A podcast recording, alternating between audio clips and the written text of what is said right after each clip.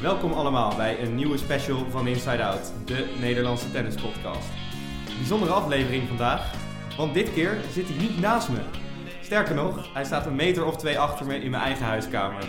Ik heb het natuurlijk over mijn vaste dubbelpartner Jort. En nou ja, of er nog gedubbeld wordt dit jaar, dat moet natuurlijk nog maar blijken. Die aflevering vanaf het Spaanse Greffel gaat uh, ook niet meer echt gebeuren, denk ik, toch Jort? Nee, dat klopt, uh, Tim. Onze vliegtickets uh, zijn, zijn gecanceld. We hebben geloof ik wel wat vouchers gekregen. Dus wellicht dan kunnen we in de herfstcompetitie topfit verschijnen, omdat we een beetje daarvoor naar Spanje zijn gegaan. Maar ja, morgen zouden we vliegen. Ja, dat gaat natuurlijk niet door.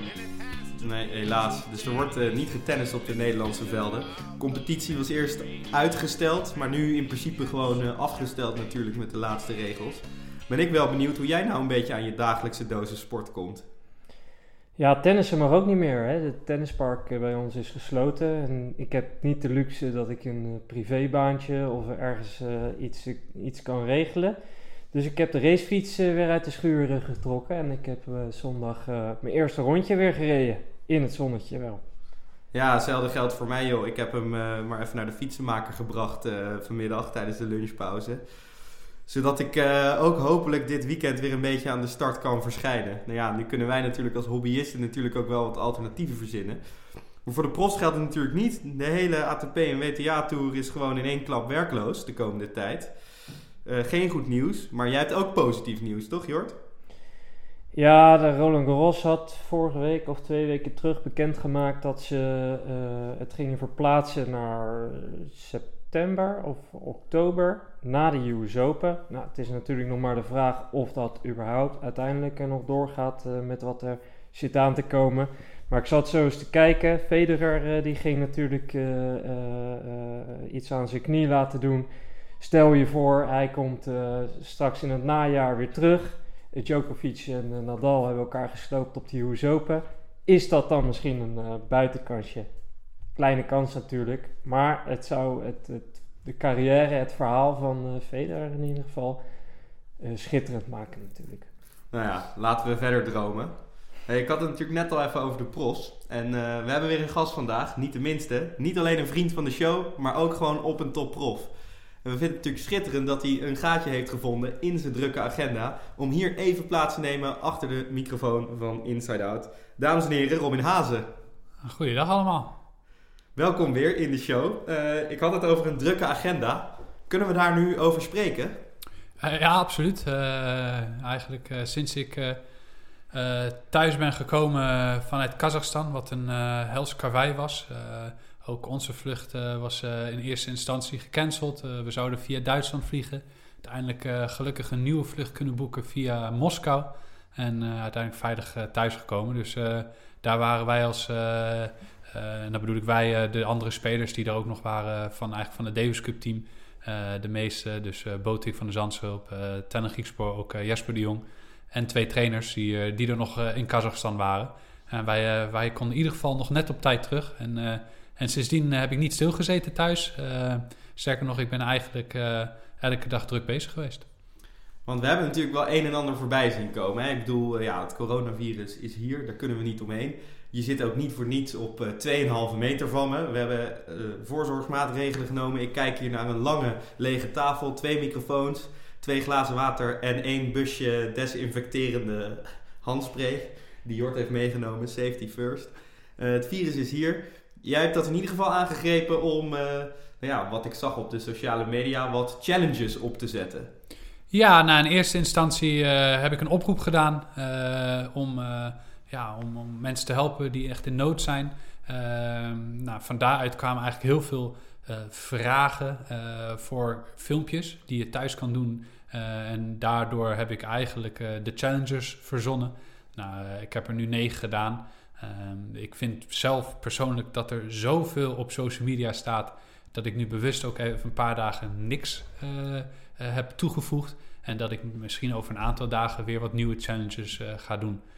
omdat ik anders denk dat mensen gewoon overspoeld raken met ja, te veel dingen, te veel informatie. Dat eigenlijk dat je iets leuks probeert te doen, wat dan op een gegeven moment ja, eigenlijk een beetje ja, wegvalt door alle andere items van andere mensen.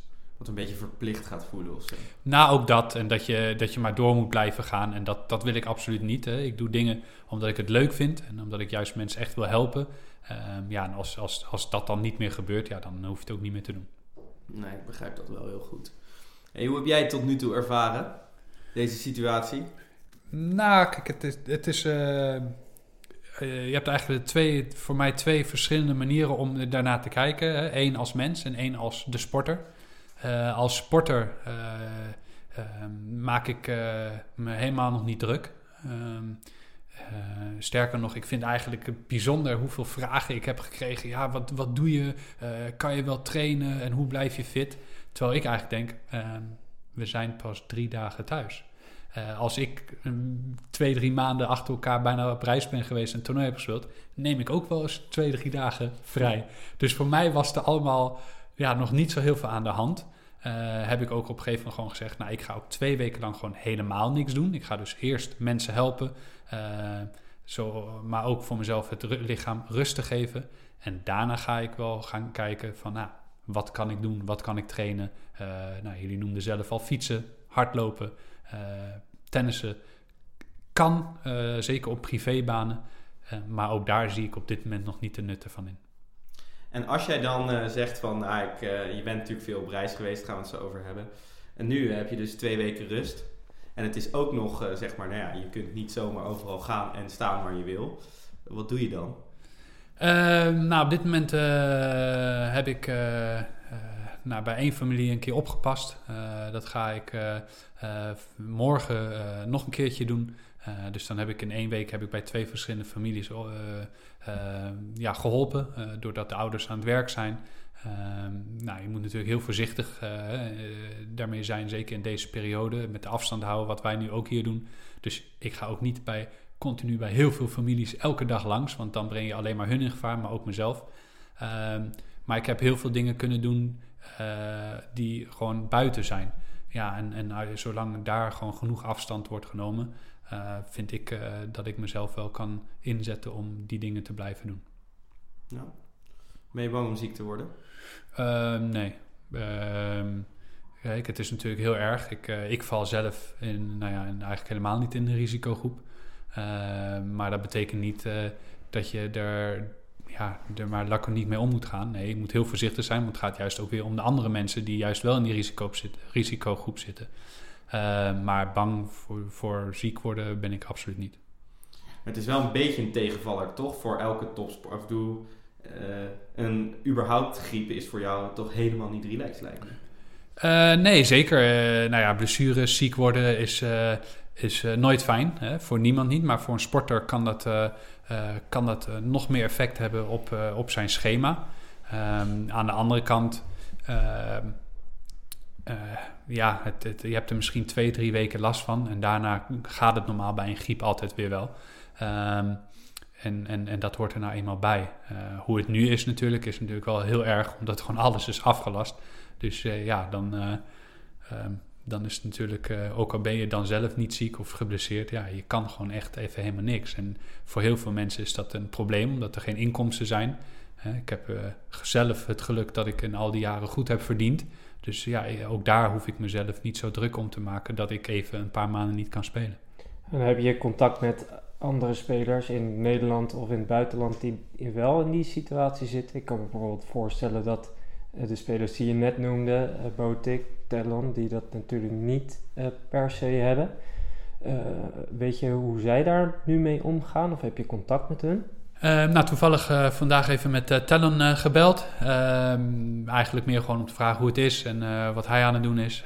maar meer uit interesse, niet zozeer om ja, om te hebben eigenlijk van ja, ja uh, oh, we verdienen niks, hoe doe jij dat? Uh, nou ja, ik weet, uh, ik weet zijn thuissituatie en dat weet ik van andere jongens ook. En heel veel jongens, hij dan niet, maar heel veel andere jongens die, die slapen of wonen nog thuis bij hun ouders. Dus hebben gelukkig wat minder kosten, ook daarin.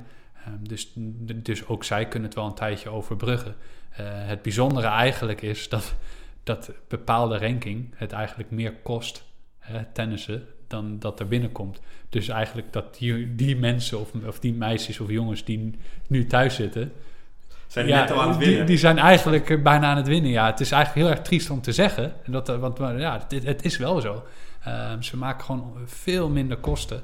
Ehm, ja, en dat is wel, eh, wel erg. dat ze uiteindelijk niet de kans hebben om wel geld te verdienen. Ehm, en vooral ook de competities. De, die, die in Nederland, Duitsland, Frankrijk allemaal niet door zullen gaan.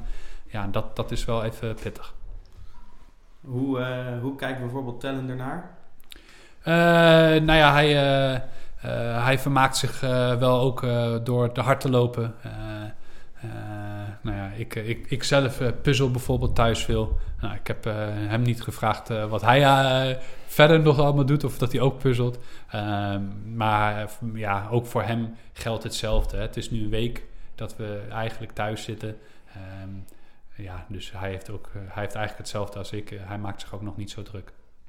Had jij het eigenlijk nodig? Je zei ik ga twee weken helemaal niks doen. Je bent weer een tijd op reis geweest. Hè? Hoe was je lichaam eraan toe? Nou ja, mijn lichaam, eh, dat blijft een knelpunt. Voor mij was het zelfs zo dat ik tijdens de Davis Cup, ik denk iets ben opgelopen. Ik weet eigenlijk niet wanneer, maar ik had opeens ontzettend veel pijn bij mijn liesheup. Eh, dus ik ben na Kazachstan eh, had ik sowieso een week eh, sowieso vrij gehad. Eh, dus in de eerste twee, drie dagen ben ik een paar keer behandeld. En, en, en daarna gewoon eh, rust genomen. En in plaats van dat je vier, vijf dagen rust neemt, heb ik dan nu dus twee weken. Eh, maar dat is gewoon puur uit eh, ja, eh, machteloosheid eigenlijk. Dat je ook gewoon niks anders kan. Dus, eh, dus dan denk ik, ja, dan kan ik net zo goed wat meer dagen nemen.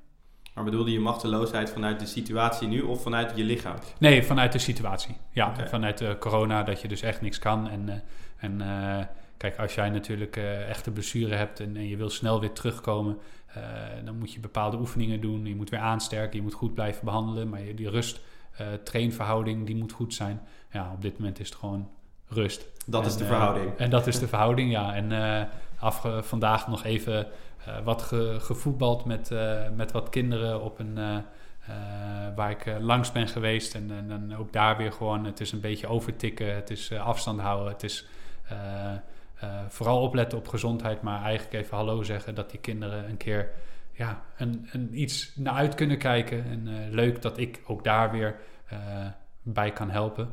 Ehm, maar ook dat ja, moet je gewoon heel erg opletten. En, en, en voor mezelf ook met lichaam. Dus ik sta meer stil en schop af en toe de bal terug. Maar dan dat we actief bezig zijn.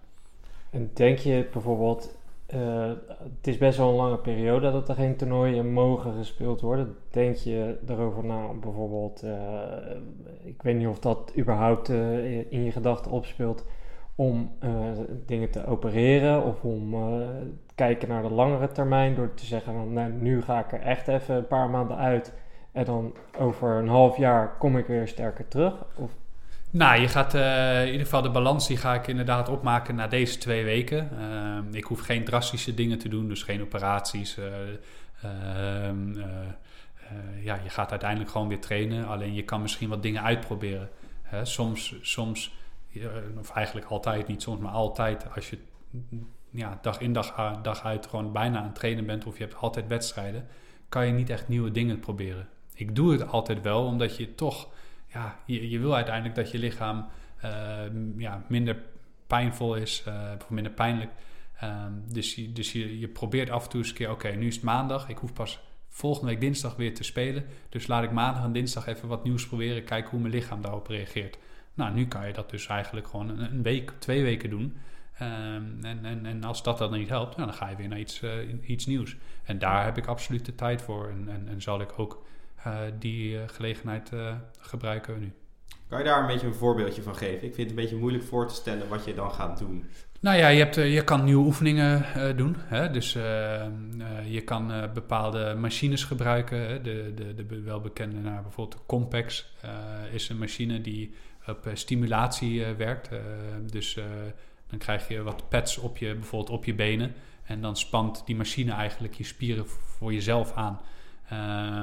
Nou, dat, dat is iets wat ik over de jaren wel eens heb geprobeerd. Maar eigenlijk elke keer als ik erbij tenniste, eh, ja, had ik toch te veel problemen.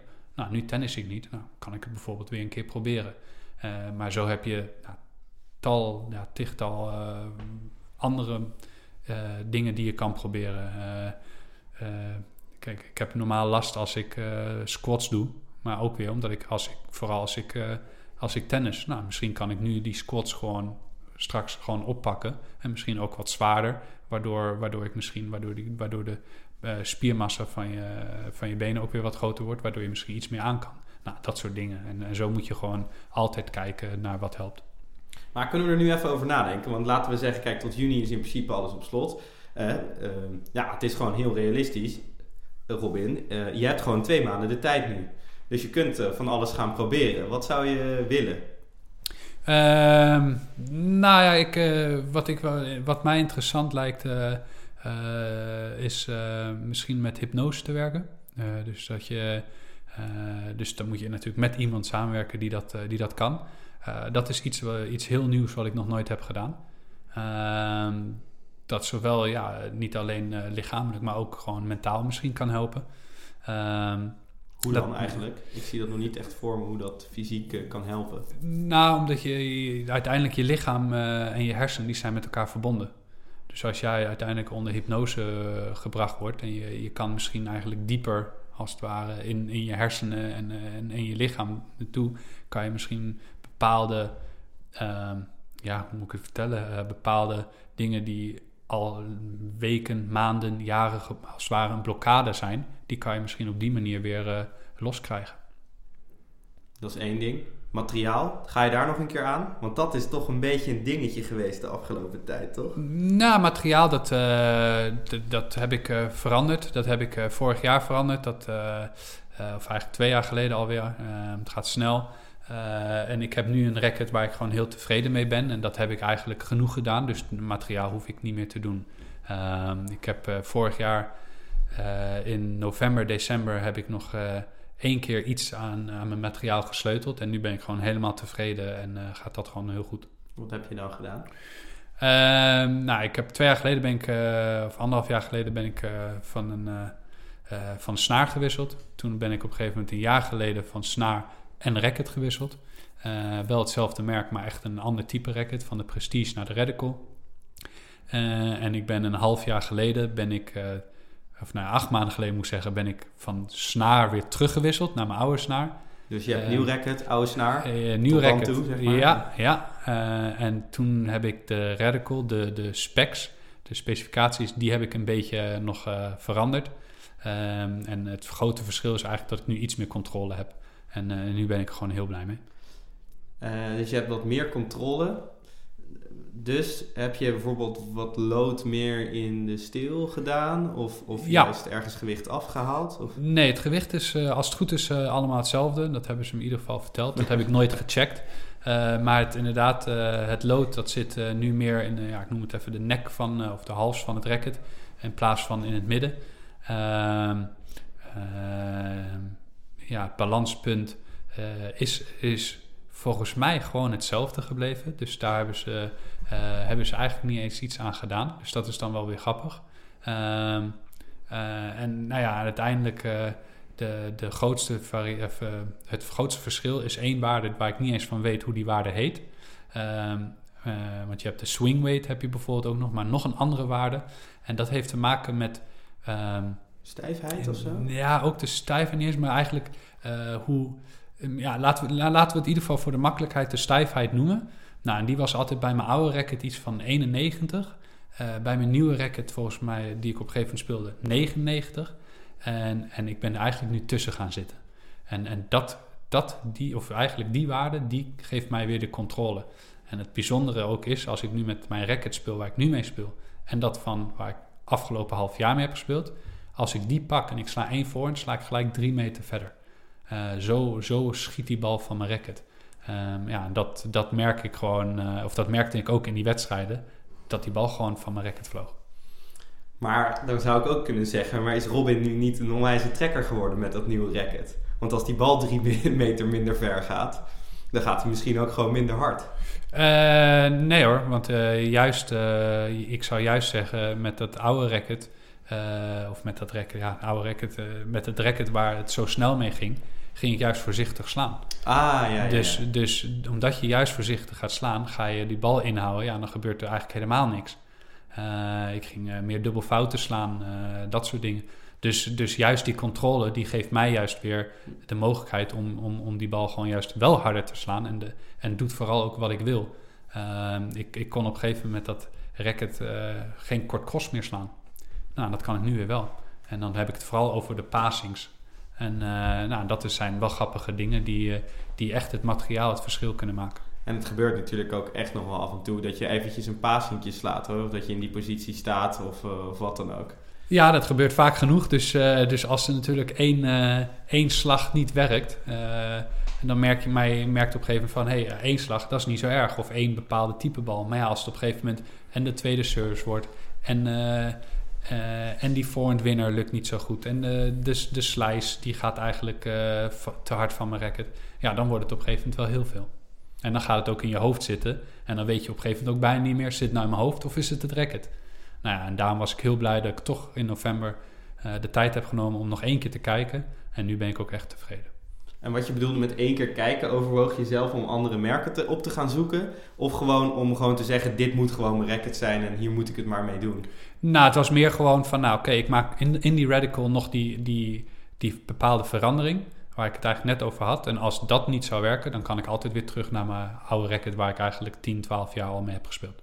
En doe je dit, doe je dit helemaal zelf? Want je zegt, ik heb toch die aanpassing in die radical gemaakt. Ben jij in staat om te zeggen, doe hier even wat met die wat gewicht in die hals en dan denk ik dat die beter is? Of komt er gewoon iemand die zegt, oh, ik denk dat je zoiets bedoelt? Nou, ik heb geluk dat ik bij het merk Het zit. En Het eh, eh, is het eigenlijk in, in, in, eh, voor de spelers die, die graag een beetje wat anders willen. is het eigenlijk het beste merk ter wereld. Want zij maken alles speciaal voor jou. Dus ik ben zelfs op een gegeven moment een keer naar Oostenrijk geweest. ehm, en, en heb daar mm, ja, volgens mij wel 15, 16 verschillende rackets getest. Ehm, en uiteindelijk eh, ja, geef ik met mijn feedback over die rackets... eh, en ook over, de, ja, over dat half jaar. Hey, ja, die bal die vertrekt zo hard uit mijn racket. Hey, die bal die lukt niet meer. Nou, daar luisteren naar. En dan komen zij weer met andere rackets. Of niet per se andere rackets, maar andere specificaties. En, eh, en zij zijn daar echt experts in. En ja, het enige wat ik hoef te doen is... Oh, ik vond racket 1 goed of racket 5. Eh, ja, die wil ik. Dus je vertrouwen is eigenlijk wel goed nu met dit racket. Ja, zeker. Nee, eh, waar ik op een gegeven moment echt eh, twijfelde en eh, nou, bijna gek werd van, van, dat, van dat andere racket, ben ik nu helemaal happy en gaat dat gewoon goed. Dus kunnen we ervan uitgaan dat deze rackets niet gaan sneuvelen, hoe blij je er nu mee bent. Nee, nee, ja, ik ben sowieso niet zo van het racket gooien. Ik denk dat er misschien één per jaar misschien kapot gegooid wordt, dus dat valt altijd wel mee. Eh, ik heb eh, deze rackets, eh, waar ik dan in ieder geval niet meer mee wilde spelen, die zijn normaal bewaar ik altijd wel eens een keer een paar rackets of ik geef voor het goede doel. Hier, deze rackets zijn echt heel snel weggegeven. En ik heb op een gegeven moment ook twee gewoon, eh, gewoon de prullenbak ingegooid. Ik zeg, nou, die moeten gewoon weg en die wil ik nooit meer zien. ja, oké, dat is wel echt extreem. Eh, heb je vorig jaar wel eens gehad dat je dacht voor een wedstrijd, als je zo twijfelde, dat je dacht, ik pak nu mijn oude racket, ik ben er klaar mee. Eh, of heb je dat misschien ook wel eens gedaan? Ehm, nou, ik heb zeker de, de teksten ook van, nou, ik ben helemaal klaar met dit racket en eh, wat, wat ben ik aan het doen, wat heb ik gedaan. Ehm, maar een andere racket pakken was niet mogelijk, want eh, ja, die had ik gewoon thuis gelaten. Ehm, uiteindelijk, dat was wel gewoon bewust, want het moment, en dat zie ik ook bij andere spelers, eh, het moment dat je je oude rackets mee blijft nemen in je tas, eh, zodra het één dag niet zo goed gaat, pak je je oude rackets. Dus wil je een, een wissel maken, moet je er wel achter staan. En dat stond ik destijds ook. En ik, ik, ik, mijn, alleen mijn proces heeft bij wijze van spreken helaas wat te lang geduurd. Ken je spelers die toch hun oude rackets meenemen en heel vaak eh, wisselen? Ja hoor, ik heb er eh, mee gespeeld. eh, en in, Nederland, de Nederlanders die ik ken die heel moeilijk zijn met rackets, dat is Igor Seisling en Jean-Julien Royer. Ehm, eh, ik, heb, ik weet bijvoorbeeld een dubbelpartner waar ik mee speelde, eventjes André Begeman. Die, ja, die dan twee voorbereidingstoernooien bijvoorbeeld in Australië, voor Australië, of Australian Open moet ik zeggen, eh, met een racket, nieuw racket speelde. En eh, we zijn de hele week aan het trainen. En eh, ja, en een dag voor de wedstrijd pakt hij zalen rackets. Ik denk, wat ben, ben jij aan het doen? Ja, nee, dit, dit voelt beter. ja, oké. Nou, en uiteindelijk raakte hij geen pepernoot. Dus toen gooide hij wel een, een, een oud racket dus, die hij eigenlijk lekker vond, gooide hij ook een stuk. Dus ja, nee, ja, je moet gewoon op een gegeven moment beslissing maken, dit doe ik. En dan gewoon die oude rackets thuis laten. En die kan je dan altijd, na die 1, 2 weken, kan je ze altijd weer pakken. Ja, en bijvoorbeeld, uh, als je kijkt naar top 10 spelers, uh, gebeurt het bij hun ook?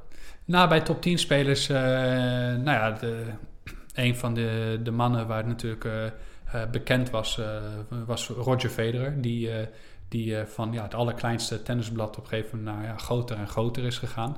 hij heeft ook een periode echt minder gespeeld. Ja, voor hem is dan minder dat hij 3, 4 van de wereld staat. Maar hij was echt minder. Uh, alleen hij had ook gewoon tijd nodig om te wennen. En dat, dat is gewoon waar eh, het grootste verschil, denk ik, wat je nu ziet met, nou, ik noem mezelf even de oude generatie en de nieuwe generatie. De nieuwe generatie die speelt gewoon met rackets, die zijn licht weer, die zijn, uh, die, je hebt bijna geen controle, maar ze slaan die bal toch ontzettend hard. Um, en ze durven die bal ook continu te slaan.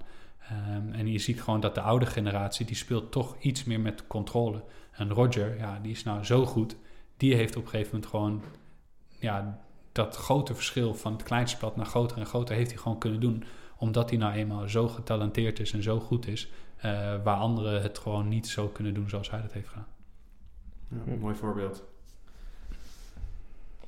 Jij hebt natuurlijk ook uh, een tijdje in die spelersraad gezeten. Ik wil nog toch even teruggrijpen op deze aparte situatie die er nu heerst. Heeft uh, de ATP, denk je, goed opgetreden? En uh, hebben zij ook een soort noodfondsje of zo, of een potje voor dit soort dingen vanuit jouw ervaring? Nou, ik denk dat ze goed hebben opgetreden. Want ja, ik was bij een toernooi en dat hebben ze uiteindelijk, toen het echt slechter werd, hebben ze het gecanceld per direct. Dus ik denk dat dat gewoon een hele goede keus was. Um, ja, en daarna hebben ze gewoon ja, eigenlijk gekeken van ja, hoe, wat zijn de adviezen? Hè? Van, of het nou gewoon over de hele wereld, maar ook uh, per land. Nou, en uiteindelijk was natuurlijk duidelijk dat ieder, eigenlijk elk land ja, op slot ging. Hè? Dat er zelfs reizen niet meer mogelijk was. Dus zij hebben gewoon gezegd, nou, tot dan, volgens mij was het de eerste keer tot Barcelona, is het niet mogelijk om te spelen. Nou, dat werd zelfs gelijk verschoven naar, naar vier, vijf dagen. Toen het ja, bleek het nog allemaal, dat het allemaal nog erger zou zijn. Uh, persoonlijk denk ik zelfs dat, dat het tennisseizoen nog veel langer uh, niet uh, kan worden gespeeld. Um, als ik dan vandaag en gisteren zie hoe het nieuws in, of hoe er in, in Londen, in, de, in de metro, er staan ontzettend veel mensen in één, in één trein. ik denk dat daar een uitbraak over een tijdje komt en dat zij dan in problemen zitten. Nou ja, en waar spelen we als tennis uh, tour spelen we als volgende in, Engeland. Daarna denk ik, daarna gaat het naar Amerika toe. Nou, ik, ik, denk persoonlijk dat juist Amerika een van de landen is die echt hun grenzen langer dicht houden dan andere landen. Dus denk ja, dan, ben je al eigenlijk bijna, het, seizoen is bijna voorbij en dan heb je nog een aantal toernooien. Um, dus dan heb ik bijna zoiets van, als dat gebeurt, dan kan je het beter helemaal cancelen. En dan moeten we gewoon iets verzinnen dat we volgend jaar gewoon vanaf 1 januari weer hopelijk kunnen beginnen. Uh, over de noodfonds, uh, dat weet ik niet precies. Ik weet dat er een uh, pensioen is geregeld voor spelers. Ehm, en, en, en, en dat daar ook eh, ja, geïnvesteerd is. Ook dat zal waarschijnlijk nu heel erg naar beneden zijn gegaan. en weet ik niet precies hoe, hoe de ATP dat doet. Um, ja, moeilijk. Maar ik denk dat ze wel met een oplossing proberen te komen. Maar stel je even voor hè, dat het uh, tennisseizoen nu voorbij is. Uh, ja, jij zit in de nadagen van je carrière. Hè? Het vooruitzicht op een jaar trainen, geen wedstrijden spelen. Heeft dat jou aan het denken gezet? Nee, kijk, ik uh, helemaal niet. Ik kijk het allemaal aan. dat komt eigenlijk voor mij is het dezelfde vraag van ja, we zitten nu een ja, anderhalve week thuis. Ik denk dat het een slecht teken voor mezelf zou zijn geweest als ik er al over had nagedacht. Want dan ga je echt twijfelen. Nou, die twijfel is er niet. Um, dus op dit moment uh, kijk ik het eigenlijk allemaal aan. Um, maar in de tussentijd uh, moet je wel verder kijken. Ja, wat kan je doen? En stel, we kunnen inderdaad een half jaar of dit hele jaar niet meer spelen. Nou, misschien moet ik wel een taal gaan leren of dat soort dingen. Maar in ieder geval wel bezig zijn. maar daarom ook de hypnose of andere trainingen die gewoon mogelijk zijn. En dan heb je het vaak al druk zat. Ja, ik denk dat er spelers zijn die dit heel goed kunnen, die gewoon gedisciplineerd door blijven trainen, anderen weer niet. En zie je jezelf als iemand die gewoon een jaar lang door kan blijven trainen. En als we in januari, stel dat we dan beginnen, dat je er gewoon staat? Of ga je daar moeite mee hebben, denk je? Nou, ik, eh, ik denk dat ik er niet, uh, geen moeite mee zou hebben. Uh, ik denk dat je het alleen heel goed en slim moet aanpakken. Uh, ik denk wat, wat de grootste fout kan zijn die spelers gaan maken, is dat ze eigenlijk te veel gaan trainen. Uh, en dan begint het seizoen en dan zijn ze eigenlijk helemaal gesloopt. Niet alleen lichamelijk, maar vooral ook mentaal. Dan zijn ze misschien de eerste paar toernooien heel erg goed. En dan zijn ze eigenlijk heel snel opgebrand. En dat moet je absoluut vermijden. Dus de, de trainingsrustverhouding die gaat eigenlijk nog belangrijker worden in deze periode dan, dan ooit tevoren. Ja, ik, ik denk wel dat het lastig is, want uh, zeker met deze kalender leef je eigenlijk van toernooi naar toernooi. De enige maand, nou dat is echt, echt maar een maand dat je niks doet dan leef je eigenlijk ook alweer naar, naar Australian Open. Dus het is best wel interessant om te zien wie dat heel goed kan, wie dat niet goed kan. Nou, van Federer weten we dat hij dat heel goed kan. Ja. Gezien uh, de Australian Open toen hij een half jaar eruit lag. Uh, maar bijvoorbeeld ja, Nadal, Djokovic, zijn zij in één keer volgend jaar minder oppermachtig? Of uh, zijn ze fitter en meer gebrand dan ooit? Nou ja, kijk, ik, ik denk dat het, dat het uiteindelijk uh, lichamelijk zijn die jongens gewoon erg goed. En, en, en, en zijn, ze, zijn ze serieus genoeg om dat ook zo te houden. Uh, ik denk dat je meer bepaalde types hebt die, die ook aanleg hebben, bijvoorbeeld om wat dikker te worden, dat die inderdaad een probleempje krijgen. Ehm, maar die krijgen meer een probleem dat ze misschien de eerste drie, vier maanden wat te dik worden. Ja, en dan op een gegeven moment is er echt wel iemand die ze gaat vertellen: hey, nu gaan we weer aan de bak. Ehm, ik denk dat een goed voorbeeld daarvoor is uh, bijvoorbeeld uh, de ijshockeyers. Uh, ijshockeyers die hebben een seizoen van een half jaar en dan een half jaar eigenlijk niks. Ehm, ja, en de eerste twee maanden, dan, dan, en je zou iemand van, als ze niks doen en je zou zo iemand op straat zien, dan denk je, nou, dit is geen topsporter. Ja, en dan vier maanden later zijn ze zo fit als maar kan. Dus ik denk dat, dat daar heel veel jongens eigenlijk geen problemen mee zullen hebben. Uh, wel eigenlijk ingaande op de vraag die je stelde van hè, die jongens die misschien twijfelden, hoe lang ga ik nog door? Dat inderdaad daar een aantal jongens zeggen, nou weet je wat, ik hou het nu voor gezien. En dat denk ik dat dat wel gaat gebeuren. Ja, ben benieuwd. Nog één laatste vraagje. Ik vind je toch een beetje, ja, hoe zou ik het, je, je neemt het nog een beetje laconiek van ja, ik ben nu een paar weken, weet je, coronavirus is er nog niet zo lang. Ik ga wel kijken wat ik doe. Maar ergens denk ik ook, Robin is een slimme jongen die denkt over de dingen na. Je hebt toch wel een beetje een plannetje voor hoe je het over een week gaat doen, toch? Nee, helemaal niet. Uh, echt helemaal niet. En, uh, en ik vind het juist ook gek hoe, uh, hoeveel mensen dat eigenlijk ook maar verwachten dat je dat wel hebt. Ehm, kijk, ik, de Olympische sporters, die dus 3,5 jaar hebben getraind om straks op de Olympische Spelen eigenlijk te vlammen, daar begrijp ik heel goed dat die ja, door wilden gaan. Uh, die moeten van alles doen. Maar voor mij is het een hele andere situatie. Ik speel elke week bij wijze van spreken een toernooi. Um, en, en nu is het dan even anders. En, en, en, ja, en, en hopelijk kunnen we over twee maanden spelen. Als het vier maanden wordt, als het zes maanden wordt. Uiteindelijk, zodra ik het ook weet, dan kan ik ook meer, uh, uh, meer een schema en een plan gaan, ma gaan maken. Maar ja, nu, echt waar, ik maak me gewoon nu echt niet druk. En en, uh, en ik zal geleidelijk aan steeds meer doen. Maar ja, als, als, ja, als we echt pas over een half jaar kunnen spelen, ja, dan hoef ik nu nog niet te gaan trainen. Dus dan maak je je ook echt niet druk. Nee. Dus je, je hebt niet even gebeld van hey, zou ik volgende week daar een, uh, op een baantje even een uurtje kunnen tikken of zo? Helemaal niet. Nee, helemaal niet. En, uh, en ik weet al de adresjes waar ik zou kunnen spelen, omdat het privéterrein is. Um, dus ik heb de mogelijkheden al wel. Um, maar zelfs het contact met mijn conditietrainer was eigenlijk uh, in eerste instantie toen ik thuis kwam, en dat was op een vrij, uh, zaterdag, uh, of nee, sorry, vrijdag. En toen had ik zaterdag met hem contact en hij zegt, nou ja, laten we eind van de week, vrijdag of zaterdag, even kijken hoe het ervoor staat. Nou, en uiteindelijk was het inderdaad zaterdag een berichtje. En hij stuurde, hey, hoe is het? ja, het is toch wel allemaal heftiger dan dat we dachten. En ik zeg, ja, zeker. de, ik stuur je wel een berichtje over een weekje. Want ik ga nu nog sowieso een weekje even mensen allemaal helpen. En, en dan maken we de balans op en dan kijken we wat we doen. En dan stuurde hij, ja, helemaal goed.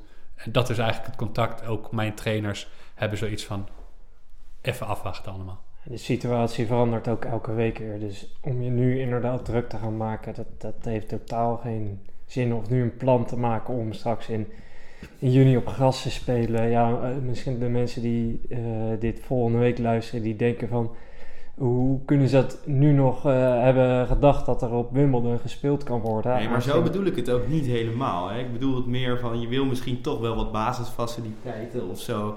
Wil je wel voor jezelf regelen, ongeacht of je nou gaat spelen of niet. Ja, absoluut. Um, maar dat, dat zijn dan de, toch de, uh, de fysieke trainingen die je misschien kan doen. Maar ja, in plaats van dat je dat binnen doet, nou, gelukkig wordt het allemaal weer wat mooier weer, kan je het ook buiten doen. Uh, ja, ik, ik heb dan mazzel uiteindelijk tennis. Kijk, nu, ik vind het heel goed ook wat de regering doet, dat ze zeggen, alles gaat even dicht. Heel veel mensen namen het niet serieus genoeg, uh, dus alles gaat dicht. Persoonlijk vind ik dat eigenlijk over een tijdje, dus uh, nou, als dit volgende week wordt uitgezonden, heb ik eigenlijk al de hoop dat sowieso bepaalde tennistrainingen door kunnen gaan. Niet alleen voor mezelf, uh, maar juist ook gewoon voor tennisleraren. Tennisleraren verdienen nu ook helemaal niks.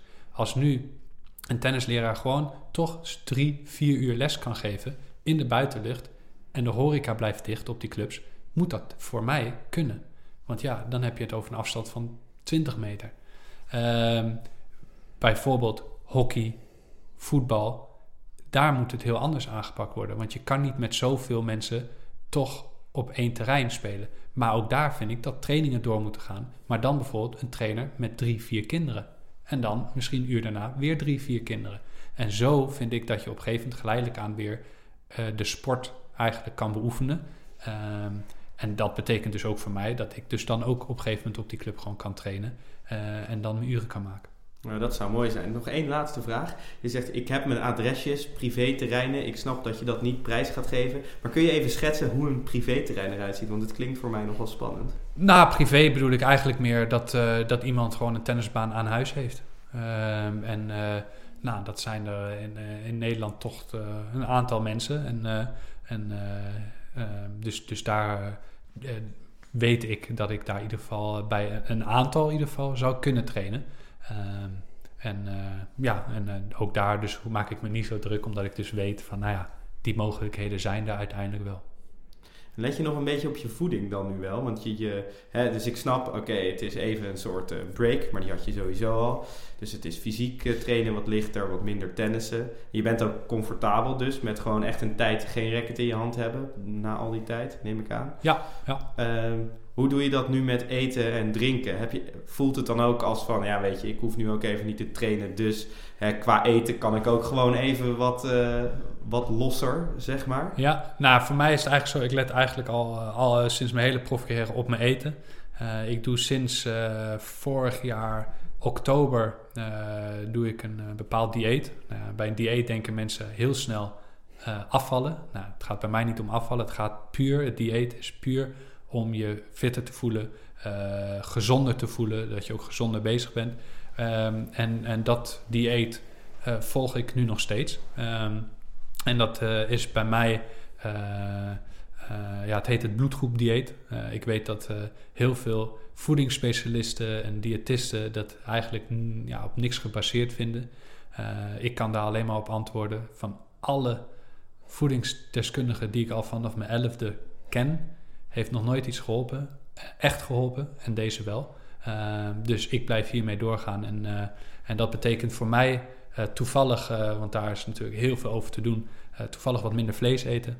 dus ik moet eigenlijk meer, meer vis eten. Nou, dat doe ik al jaren, alleen ik let gewoon nog beter op.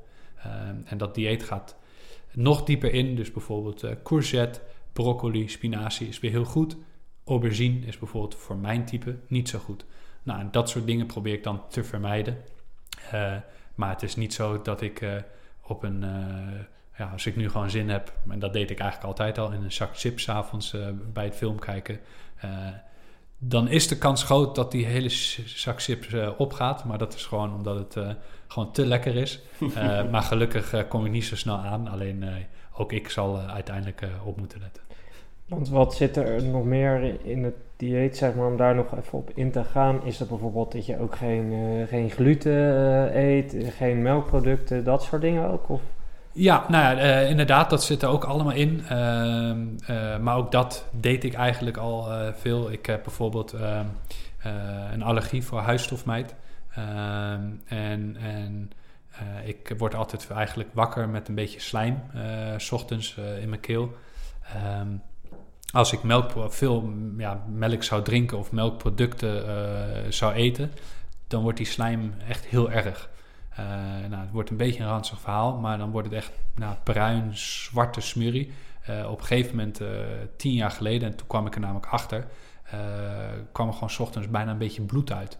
en nou, toen ben ik, heb ik dus al gemerkt van, hé, hey, dit is niet goed. Heb ik laten testen. Nou, toen heb ik met voedingsdeskundigen gesproken. Nou, uiteindelijk melkproducten weggelaten. Um, en, en dit dieet geeft dat alleen maar weer aan van, hey, jouw type moet dat ook inderdaad niet doen. Uh, dus ook dat soort dingen hou ik me inderdaad aan. Bij brood, gewoon bepaald brood dat je kan eten. Voor de ene bloedgroep is bijvoorbeeld weer spelt goed. de andere die kan wel volkorenbrood eten. Nou, en zo, zo moet je gewoon per bloedgroep een beetje kijken. En dat doe ik ook. En ehm, wat ik vooral heel erg fijn vind aan dit dieet is dat het gaat om... ze delen het eigenlijk op in drie dingen. Dat is heilzaam, eten of drinken neutraal en te vermijden. Dus eigenlijk is niks slechts. En als jij dus een gerecht maakt en er zijn drie heilzame voedingsstoffen in, één neutraal en één te vermijden, heb je gewoon een goede maaltijd. En dat, dat vind ik wel prettig werken. Dat je, dat je niet alleen moet denken, oh ik ben fout bezig of oh dit mag niet. En uh, daar hou ik van. Er zijn gewoon wat betere en wat mindere keuzes en jij probeert wat meer betere en mindere keuzes. Abs absoluut, ja. Dat is denk ik ook wat vol te houden is. Als je strikt zegt, dit mag wel, dit mag niet. Ja, zou ik het heel knap vinden als je het volhoudt. Maar in veel gevallen zie je dat dat uh, niet werkt. Klopt, klopt, absoluut. Nou, wel leuk om te horen, Robin. Hey, ik wil uh, eigenlijk eventjes het uh, volgende onderwerpje aansnijden. Ja. Hè, dit was corona, dit was Robin in crisistijd en al die trainingen enzovoort. Yes, dat was deel 1 met Robin Hazen, die vandaag behoorlijk op de praatstoel zat. Ik bedank jullie weer voor het luisteren vandaag. Laat zeker even horen wat je ervan vond, hoe je vond dat Robin Hazen deze crisis te lijf ging. We zijn volgende week bij jullie terug met deel 2. Uh, eh, Robin vertelt dan vooral over hoe zijn seizoen tot nu toe is geweest, anekdotes over zijn Challenger finale in Bangkok en nog veel meer. Dus tot de volgende keer. Laat even weten wat je ervan vond op de social via de website of via het uh, Inside Out telefoonnummer. Hoi!